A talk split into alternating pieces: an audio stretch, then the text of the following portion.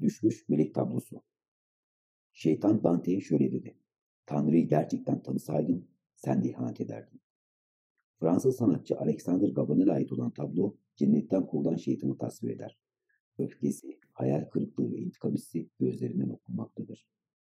Ayrıca tablo bizlere şeytan ile empati yapma şansını sunması ve bunu büyüleyici bir görsellik eşliğinde başarması onu sanat tarihinin en ikonik eserlerinden biri yapıyor.